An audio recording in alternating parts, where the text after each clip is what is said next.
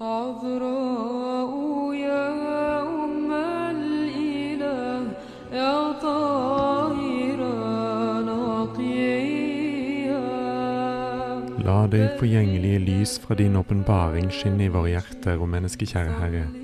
Måtte du opplyse våre sinn når vi leser om dine hellige tjenere. Lær oss ved deres eksempel å leve i lyset, slik at også vi kan leve for deg, vår Herre og velgjøre, for du er god og elsker menneskene. Den 4. oktober minnes vi den hellige Paulus den enkle. Den hellige Paulus ble født mot slutten av 200-tallet i Egypt. Han fikk tilnavnet Den enkle på grunn av sin enfoldige og troskyldige karakter. I sitt tidligere liv jobbet han som bonde. Han ble fortalt historier om at hans vakre hustru bedrog ham, men han nektet å høre på dem. En dag kom han likevel tidligere hjem fra markene enn han pleide, og da tok han hustruen og hennes elsker på fersk gjerning. Han forlot da sin hustru, 60 år gammel, og dro av gårde for å bli munk. Han banket på døren til den hellige Antonios den store celle i den tebanske ørkenen. Antonios kom ut og spurte Hva vil du? Paulus svarte at han ville bli en munk. Antonios sa da Det er helt umulig for deg, en mann på 60 år. Vær fornøyd med livet som en arbeider og lovpris Gud. Paulus svarte da Alt hva du lærer meg, vil jeg gjøre. Antonius sa hvis det er munk du vil bli, så gå til et felleskloster. Jeg lever her alene og spiser bare én gang hver femte dag. Så lukket Antonius døren og Paulus ble stående på utsiden. Han ble stående der i tre dager.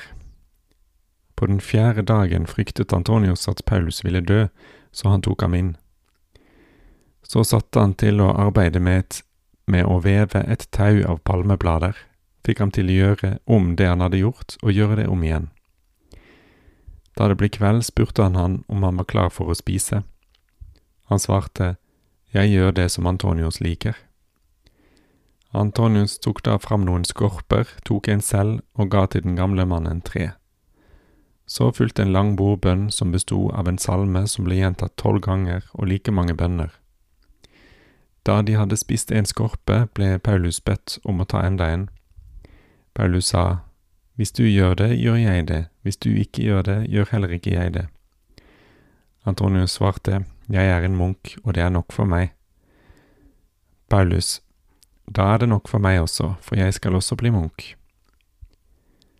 Deretter kom tolv bønner og like mange salmer.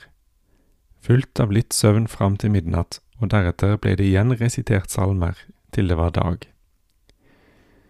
Etter en lang serie prøver hvor Antonios testet hans lydighet og utholdenhet, fikk Paulus til slutt det han ønsket etter å ha vært hos Antonios i noen måneder. Han fikk sin egen celle noen kilometer fra Antonius sin.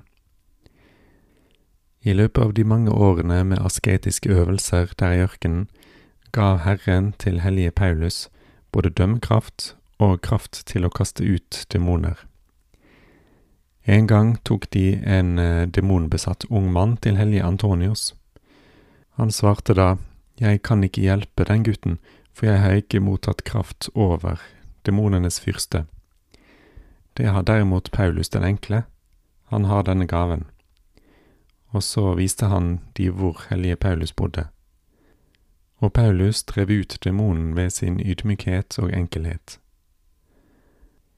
Etter å ha levd der ute i ørkenen i mange år og utført mange mirakler, hensovnet han i Herren.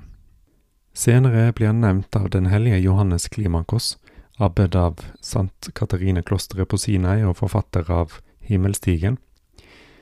Den tre ganger velsignede Paulus den enkle var et klart eksempel for oss, for han var rette snor og symbol for en velsignet enkelhet.